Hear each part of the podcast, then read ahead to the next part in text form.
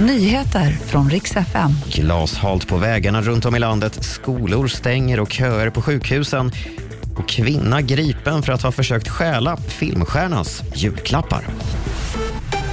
Ja, god morgon. Det är halt på vägarna i stora delar av landet den här morgonen. Regn på kalla vägbanor skapar plötslig ishalka. På vissa håll beskrivs underlaget som rena skridskobanor.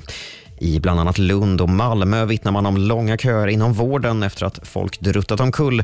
Flera buss och lastbilsolyckor har inträffat och i Laholm är alla grundskolor stängda idag eftersom både personal och skolskjutsar har svårt att ta sig fram. Däremot håller fritids öppet för barnen i Laholm. Det flygs allt mer drönare i närheten av svenska skyddsobjekt. Nu får försvaret utrustning för att kunna slå ut civila drönare på under 25 kilo.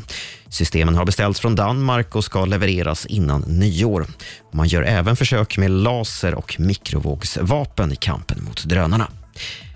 Vi ska avsluta med att en kvinna greps på bar gärning natten till igår när hon försökte stjäla julklappar under filmstjärnan Robert De Niros julgran.